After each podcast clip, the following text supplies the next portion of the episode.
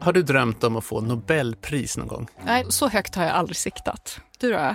Alltså jag har ju tyvärr insett någonstans att inom mitt ämnesområde så är Nobelpris inte heller någon jättestor möjlighet så här, som man kan planera in. Nej, men det kan man väl i och för sig inte inom något område, eller? Nej, men alltså miljöforskning. Det Vilka- finns ju liksom inte ens ett du- pris i miljöforskning. Jag tänker ju så här att ekonomipriset är det som man har störst chans att få. Och det kanske är helt dumt av mig att tänka så, men det jag baserar det på det är ju att det faktiskt är folk som har fått Nobelpris för att de har kommit fram till att människor inte är helt rationella. Och det tänker jag ju att det hade jag kunnat komma på nästan utan att forska. Välkommen in i riskzonen där jag, Emma Frans, Och jag, Mattias Öberg, sitter i studion idag som vanligt. Och det här avsnittet handlar om Nobelpriset och också ett ganska kontroversiellt Nobelpris. Ja, det har ju delats ut Nobelpris sedan 1901. Och Nobelpriset har ju haft en stor betydelse för svensk forskning. Men det finns också en del Nobelpris som har kritiserats. Och ett av dem är Nobelpriset i medicin eller fysiologi som delades ut 1948 till schweizaren Paul Müller.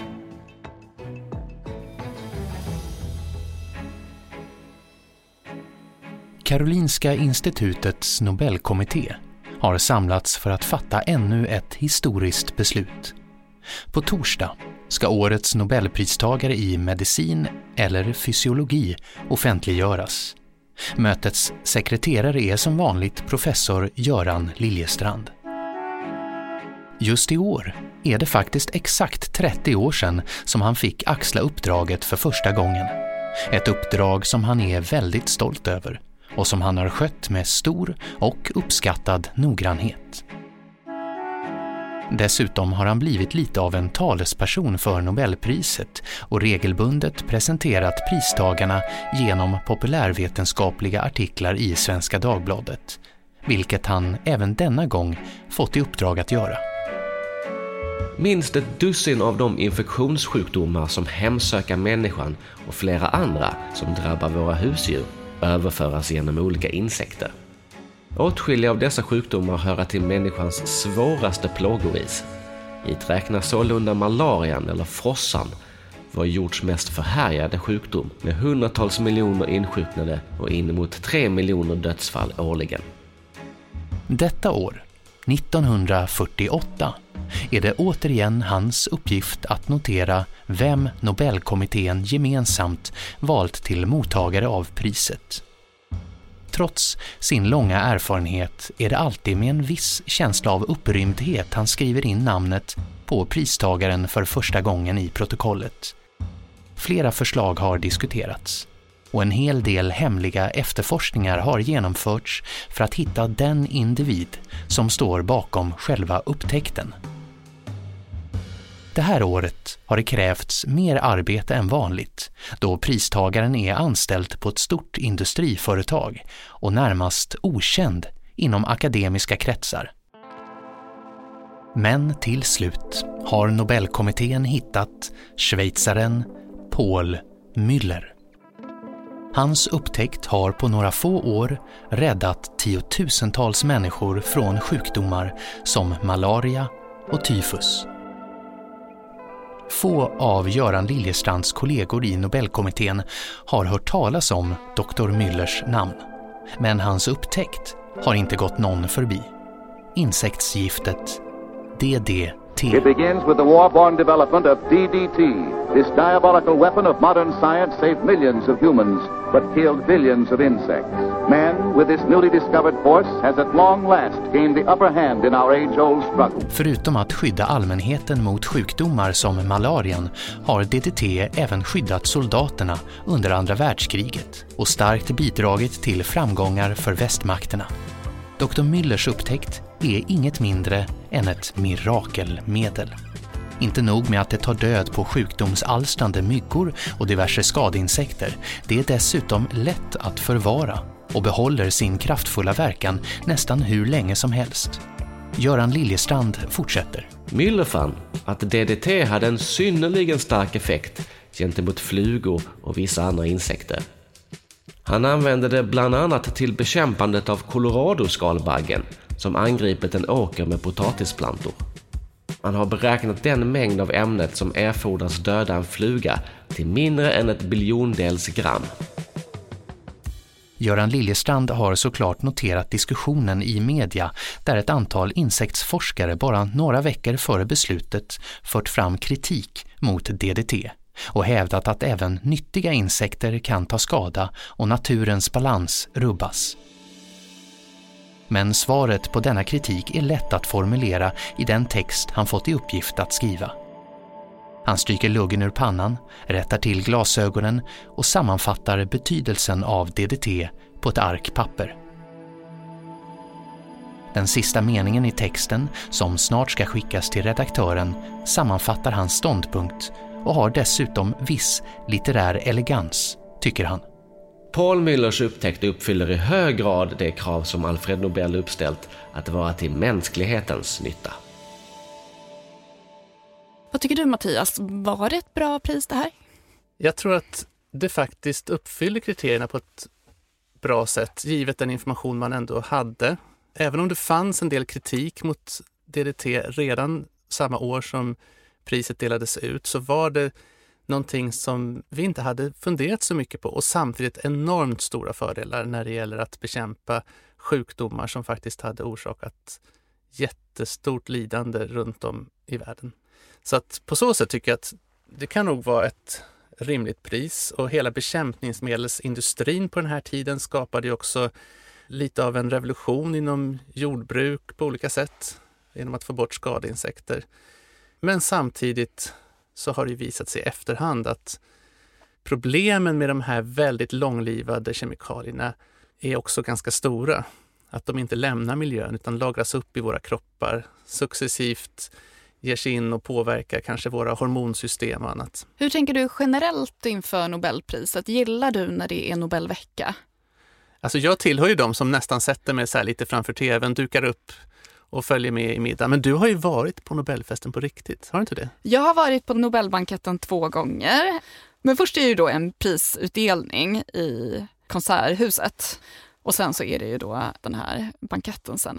Och vet du vad som är roligt? Det är att eh, för att ta sig från Konserthuset då till Stadshuset, då trycker de in de här gästerna i såna här liksom trånga SL-bussar och kör dem. Man tror ju att det är limo för allihopa, men så är det faktiskt inte. Pöben får åka i de här bussarna. Så det är en av anledningarna till att vi inte får se det här i år, då, att man kan inte trycka in så många folk i SL-bussen längre? Ja, det är nog inte bara SL-bussarna som är problemet utan just det här. Jag menar, det är ju väldigt mycket människor på plats. Det är människor som flygs in från hela världen. Det är ju också ganska ofta de som är pristagare som tillhör riskgrupper. Så att eh, det är nog en kombination av många faktorer som gör att det inte kommer bli som vanligt i år. Men det är väl lite synd för Nobelpriset är ju också en viktig del av svenskt varumärke, eller? Precis, jag tror att det här med Nobelpriset har varit väldigt viktigt för Sveriges status som forskarland.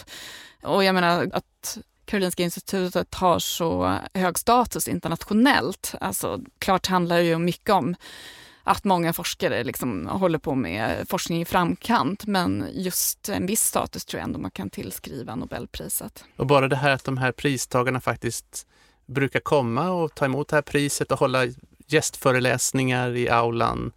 Det gör ju också att alla nobelpristagare har ju faktiskt varit på KI någon gång mm. och känner till lokalerna lite grann. Och så. Ja. Och jag menar, många nobelpristagare, de åker ju också runt.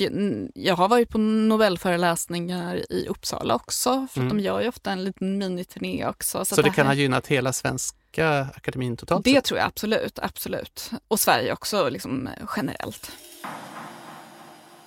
Men jag har ju också varit med i de här Nobelsändningarna och i samband med de här sändningarna så lärde jag känna Gustav Källstrand som är historiker och Nobelexpert. Det är faktiskt han som sitter och live-kommenterar hela den här banketten i vad det nu är, fyra timmar. Här ser man att det krävs en viss träning hos serveringspersonalen att stå och hålla sin tallrik. Och här tappar han den på Dan Larhammar Vetenskapsakademins preses som knappt verkar märka någonting.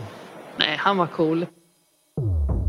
Och jag träffade honom nyligen för att prata just om det här med Nobelprisen i allmänhet men också det här DDT-priset i synnerhet. Vad krävs för att få ett Nobelpris? För det första så krävs det att man är nominerad.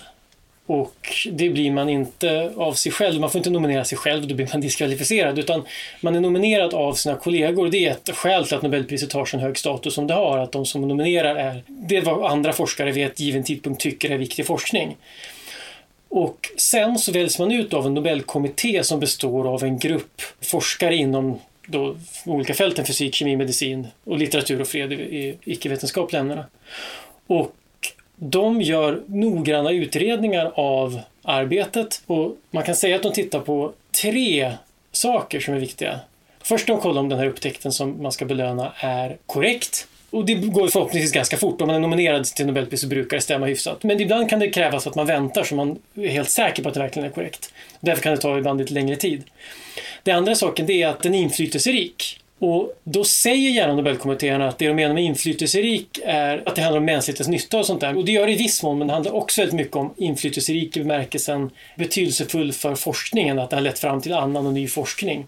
Och det tredje, och det är kanske det lurigaste, det är att man kan hitta upp till tre personer som har gjort den här upptäckten som kan knytas till den. Upp till? Alltså att det ska vara? Max tre personer. Max tre personer. Ja, så det kan vara en, det kan vara två, det kan vara tre, men det får inte vara fyra.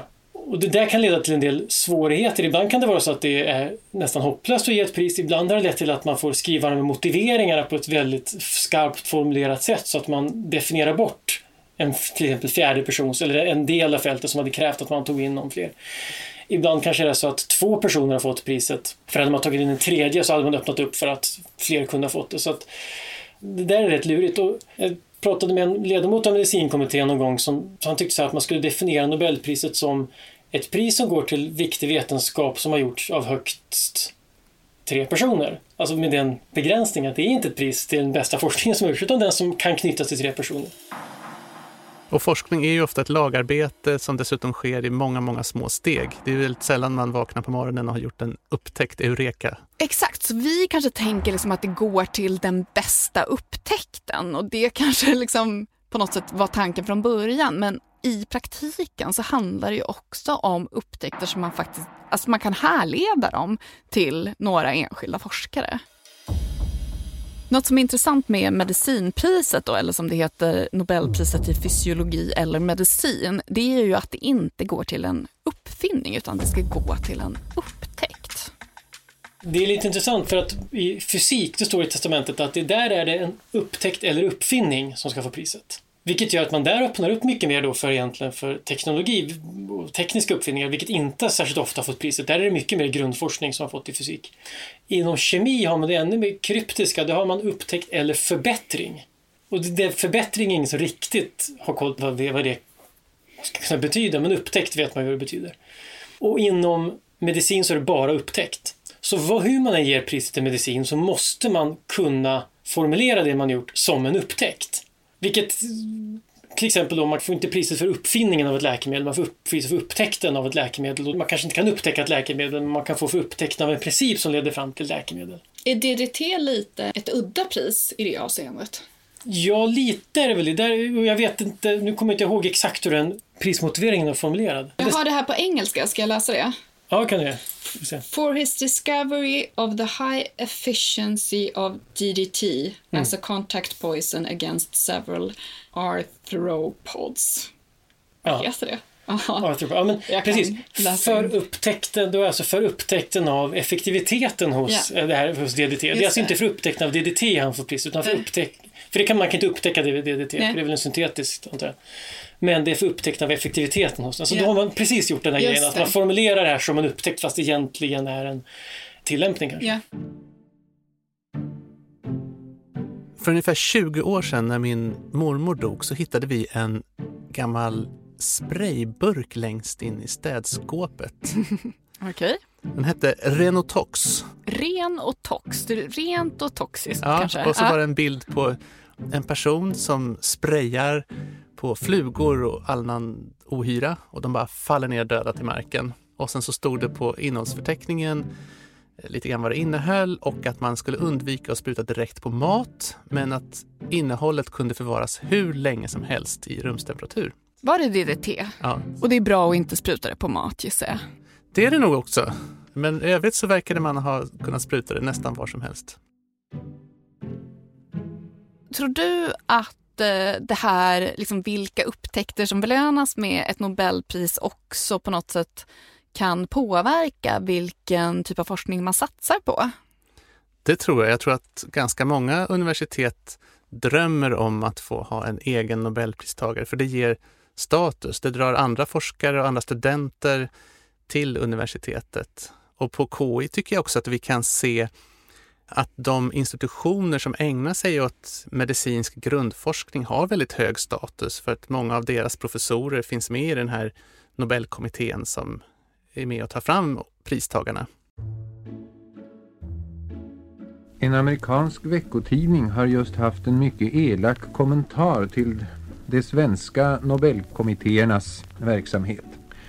Utdelarna har, säger artikelförfattaren Irving Wallace, varit anti-amerikanska i fråga om litteraturprisen tyskvänliga i de naturvetenskapliga grupperna, antiryska på båda områdena och för Skandinavien i allt. Det var ju en våldsam salva och den träffar säkert inte alls prick. Men sant är ju att eh, några skandinaver fått Nobelpris under årens lopp och att ett par av dem har varit föga kända ute i världen. De kan ju ha varit bra för det. När man pratar om kontroverser i samband med Nobelpriset så kan det ju dels handla om priserna i sig, att de är kontroversiella, men ibland kan det också handla om att man tycker det var liksom kanske att det gick till fel personer, att vissa skulle ha fått det som inte fick det och att man helt enkelt belönar fel personer. Mm. Och det kan ju också leda till att personerna får en enorm uppmärksamhet om de inte förvaltar det på rätt sätt. De kanske är liksom nästan skyldiga. Det har ju blivit kring fredspriset flera gånger. Att folk som först upphöjs och sen visar sig att de har också mörka sidor. Just det. Och då liksom har de inte burit då det här värdet av Nobelpriset tillräckligt högt kanske. Exakt. Men även forskare inom naturvetenskapen har ju gjort kontroversiella uttalanden då i egenskap av för detta Nobelpristagare. Och det där är ju svårt också. Förra året hade vi ju det att man var väldigt kritisk till Peter Handke som vann priset då i litteratur i och med att han hade gjort en hel del, alltså förnekat folkmord och sådana saker. Men där är det ju, jag menar med fredspriset kanske det är ännu svårare just det här att skilja på verk och person. Att när det kommer till en naturvetenskaplig upptäckt eller något litterärt verk så kanske det kan stå för sig själv. Men när vi börjar snacka fred, då blir det ju svårt att skilja en persons gärningar från vem den personen faktiskt är.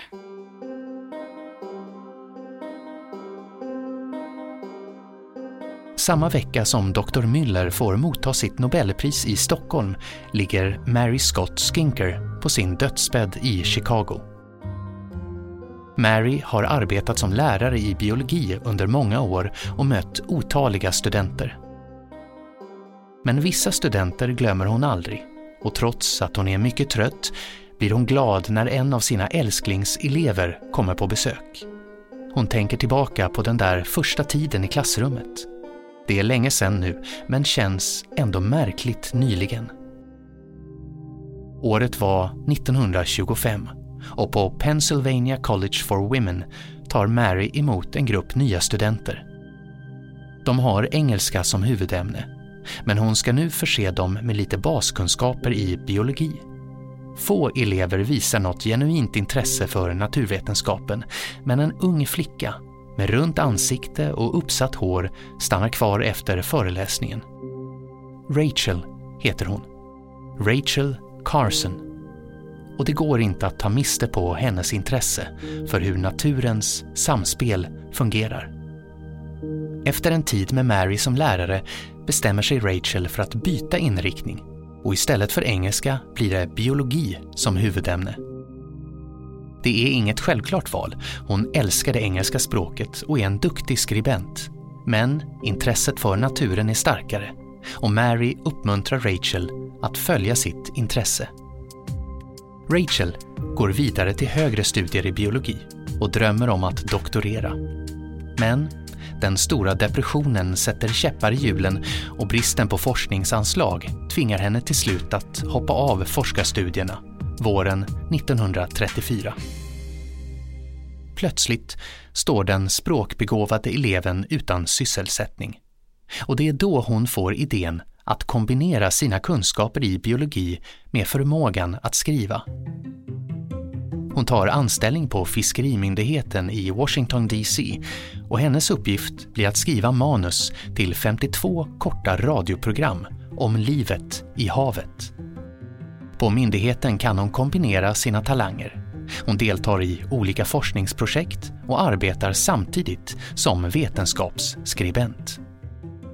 1946 läser hon en oroväckande rapport där en grupp forskare sett hur vissa fågelarter minskat i antal när man sprutat ett naturområde med DDT. Rachel skriver en artikel till tidningen Readers Digest men texten anses vara alltför opassande till sitt innehåll och refuseras. Sent på hösten 1948 nås Rachel av beskedet att hennes mentor och vän Mary Scott Skinker ligger för döden i cancer. Rachel lämnar snabbt Washington och reser till Chicago för att ta ett sista farväl. Kanske läser hon under resan om årets nobelpristagare, Dr. Paul Müller, forskaren som upptäckt DDT. Kanske tänker hon just då på hur mycket hon kommer sakna möjligheten att diskutera riskerna med DDT med sin gamla lärare. Den 19 december 1948 avlider Mary Scott Skinker. Det är ju ändå lite fascinerande att trots att DDT var så upphöjt till skyarna verkligen för att vara ett mirakelmedel så fanns det redan på 40-talet forskare, biologer som var skeptiska till att använda det här överdrivet mycket eh, och att man försökte påtala det här i olika media, som till exempel när Rachel Carson försöker ta in en artikel med det här innehållet.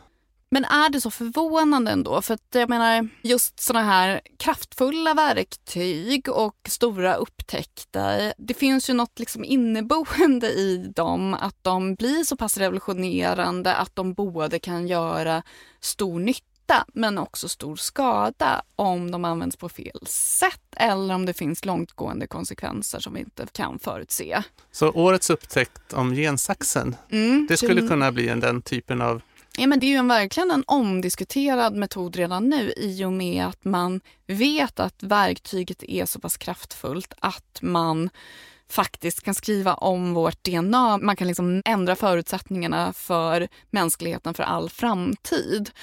Vilket ju såklart, jag menar, bara man har läst en science fiction-bok eller en liksom, framtidsdystopisk bok så är man ju liksom väldigt medveten om just som vi pratade om i det här teknikavsnittet också, att genom alla tider så har man ju pratat om risker förknippade med att människor försöker liksom leka gud eller gå utanför våra naturliga begränsningar. När jag tänker på gensaxen så tänker jag att den kan ju också användas för att faktiskt ta bort ärftliga sjukdomar som plågar både individer och leder till enormt lidande i världen.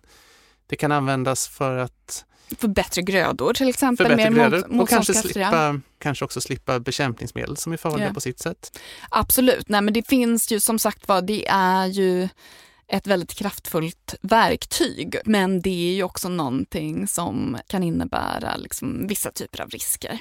Men utöver det här med DDT så finns det ju andra sådana här priser som man brukar uppmärksamma som stora bottennapp, i alla fall när vi tittar på dem med liksom den nutida blicken. Och där är ju just det här med lobotomi ett sådant exempel. Som faktiskt gavs, var det året efter, 1949? Ja, exakt. Så de hade två år där, där det inte riktigt ja, precis. gick hem. Men visst får man känslan av att Nobelkommittén ändå är ganska försiktig med att peka ut den här typen av behandlingar, utan snarare ta grundliga upptäckter som kan vara både goda och onda. På så sätt tar de ju också ryggen fri lite grann. Exakt, och jag menar risken har nog minskat för att man ska ge priset till upptäckter som inte kommer åldras så väl i och med att de oftast är lite åldrade när de väl delas ut. Gensaxen är ju faktiskt ett sånt undantag i och med att det är en upptäckt från 2012. Så det är en väldigt ny upptäckt om man mäter i liksom Nobelmått. Richard Feynman, den gamle fysikern, han brukade säga att frågan om vetenskapens nytta är inte en vetenskaplig fråga. Att det, det vet inte forskarna någonting om, det är inte deras uppgift. Nej. Men för Nobelpriset finns det ju, man pratar om det här med vetenskap till mänsklighetens nytta som det står i Nobels testamente, så tolkar man ofta det på ett ganska enkelt sätt som att Alfred Nobel ville belöna vetenskap därför att vetenskap är till mänsklighetens största nytta. Men han kan ju också ha menat att han vill belöna den vetenskapen som är till mänsklighetens största nytta. Alltså, du vet ju att jag brinner för vetenskap och ser mig själv lite som någon sorts vetenskapsambassadör eller sådär. Men mm. samtidigt så kan jag ibland tycka att det finns ett lite så här fånigt rosa skimmer kring det här med forskning och vetenskap. Och därför så brukar jag liksom ofta trycka på att man ska inte se vetenskapen i sig som någonting som nödvändigtvis är gott. Utan att det handlar om att få ny kunskap och kanske göra nya upptäckter. Och sen så är det liksom vi människor och våra värderingar som avgör hur man ska använda den här nya kunskapen och de här nya innovationerna. Men att de i sig inte är inneboende onda eller goda, utan det handlar om hur man väljer att använda det. Samtidigt så kan jag känna att som forskare så är man ju ofta driven av en vilja till förändring och förbättring som jag tror är goda drivkrafter. Det är klart att det finns säkert sådana som också har drivkraften att göra någonting riktigt ont, men jag tror inte de är så många. Nej, men det finns ju säkert de som drivs av ekonomiska incitament och jag tror ju att vissa liksom stora upptäckter har kommit fram ur nöd kanske, eller att, alltså att man har på något sätt att det har funnits en stor efterfrågan på någonting. Ibland kan det också vara så att det uppstår en slags tävlan, att man inser att det är flera laboratorier som är på samma spår, de känner till varandra. Just det, det kan handla om prestige. Det är prestige och det är också kanske det här att kunna vara först, för det är den som är först som får Nobelpriset. Precis, sen så tror jag liksom att många de kanske kommer in i den här världen som forskare för att man vill göra gott eller att man drivs av en sorts nyfikenhet men att man lite på vägen faktiskt kan bli lite korrumperad eller att man på något sätt i slutändan tävlar med sina liksom, forskarrivaler snarare än att man verkligen vill bidra till mänsklighetens nytta.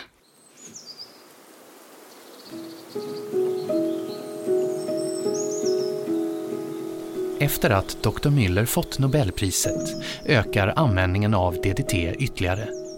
Det sprutas i hem, på åkrar. Det används som medicinsk behandling mot olika former av löss. 1957 genomför USA en kampanj mot så kallade eldmyror. Dessa myror kan bilda enorma samhällen och orsakar stor skada där de drar fram. Rachel Carson blir dock allt mer engagerad i sin kritik mot överdriven användning av kemiska bekämpningsmedel och börjar skriva på den bok som mer än någon annan kommer att påverka miljörörelsens framväxt. Boken ges ut i september 1962 och får titeln Silent Spring, Tyst vår vilket syftar på den tystnad som följer när fåglarna förgiftats av olika kemikalier. These sprays, dust and aerosols are now applied almost universally to farms, gardens, forests and homes. Non-selective chemicals that have the power to kill every insect, the good and the bad, to still the song of birds and the leaping of fish in the streams, all this though the intended target may be only a few weeds or insects. Boken blir en enorm succé och översätts och sprids över hela världen. Den utgör det publika startskottet på den moderna miljörörelsen och forskningen inom ekotoxikologi. We have to remember that children born today are exposed to these chemicals from birth, perhaps even before birth. Now, what is going to happen to them in adult life as a result of that exposure? We simply don't know. Bara några år efter att Tyst vår getts ut inleds avvecklingen av DDT och Ungern blir första land att helt förbjuda DDT 1968. Därefter följer Sverige och Norge 1970. Fler och fler länder följer efter, men det dröjer ända till 2004 innan en FN-konvention mot persistenta ämnen kommer på plats. Den så kallade Stockholmskonventionen, vilken idag har undertecknats av 184 länder, inklusive Sverige. Carson beskrevs av många från dåtidens kemiska industri som en alarmist när hon gång på gång använde det skrivna ordet för att påminna om att människor är en sårbar del av naturen och att vi utsätts för samma skada som resten av ekosystemet om miljön förstörs. Rachel Carson dog 1964 efter en lång kamp mot bröstcancer. Hennes ord om livets skönhet och skörhet fortsätter dock att inspirera nya generationer att skydda människor och miljö. Jag tycker att det är lite fascinerande hur en person som jobbar med vetenskapskommunikation plötsligt får så stort inflytande och nästan omdefinierar miljörörelsen i slutet av 60-talet. Jag tänker mig att det kan också vara så att de som jobbade med DDT, liksom att man på något sätt hade ett ganska smalt perspektiv också och just det här med att kunna ta in olika typer av aspekter och också förstå saker ur ett bredare perspektiv. Det kanske nödvändigtvis inte är forskarna själva som håller på med det här som är bäst på.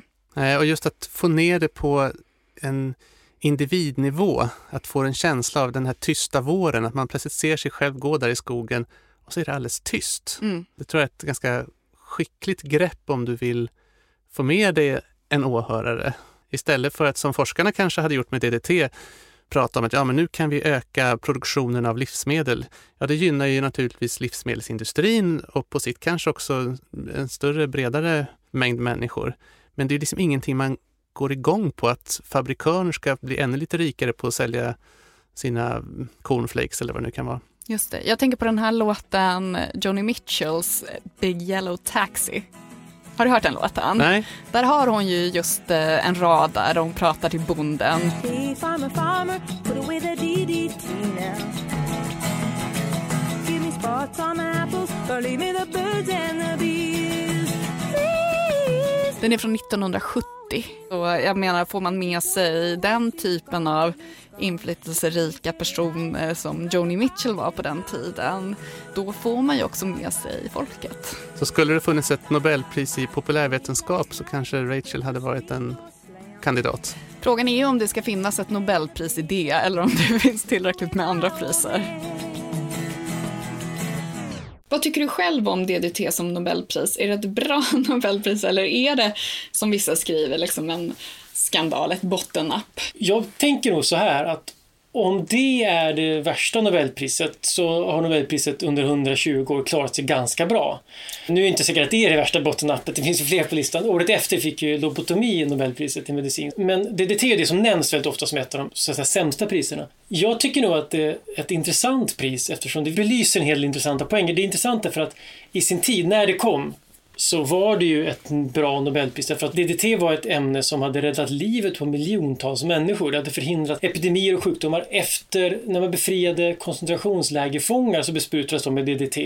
Vilket jag får inte skratta åt, men det låter ju som en dubbel bestraffning. Men det fick ju bort skadedjur från dem. Det låter ju hemskt, men det var det verkligen inte. Tvärtom, det räddade livet för många av dem, för man fick bort skadedjur, för de var ju väldigt känsliga. Och det används på många olika ställen att bekämpa insekter och liknande. Så att det har ju räddat liv för massa människor. Och DDT används idag. Det rekommenderas av WHO att användas i malariatäta områden, men inomhus. För problemet är förstås att det får konsekvenser. Alltså man får inte använda det i naturen för det tar död på insekter och det ställer till ekologiska problem. Så jag tycker att det är ett intressant pris på det sättet att det visar väldigt mycket på vetenskapens framsteg. Så vetenskapen går ju framåt i stora framsteg och små bakslag på något sätt. Mänskligheten kanske är bättre för att vi upptäckte DDT. Men det blev sen problem med det och de har ju då försökt åtgärda. Och sen, om det skedde tillräckligt fort och tillräckligt bra, det kan man ju diskutera. Alfred Nobel, hade han varit nöjd så här långt efteråt? Att priset fanns kvar och vilka som får priset tror du? Ja men det tror jag. Men när jag pratade med Ingrid Karlberg om det här som förra året eh, skrev eh, Nobels biografi Nobel, den gåtfulla Alfred, hans värld och hans pris. Det var en väldigt intressant bok tyckte jag, där man verkligen fick liksom möta mannen bakom Nobelpriset.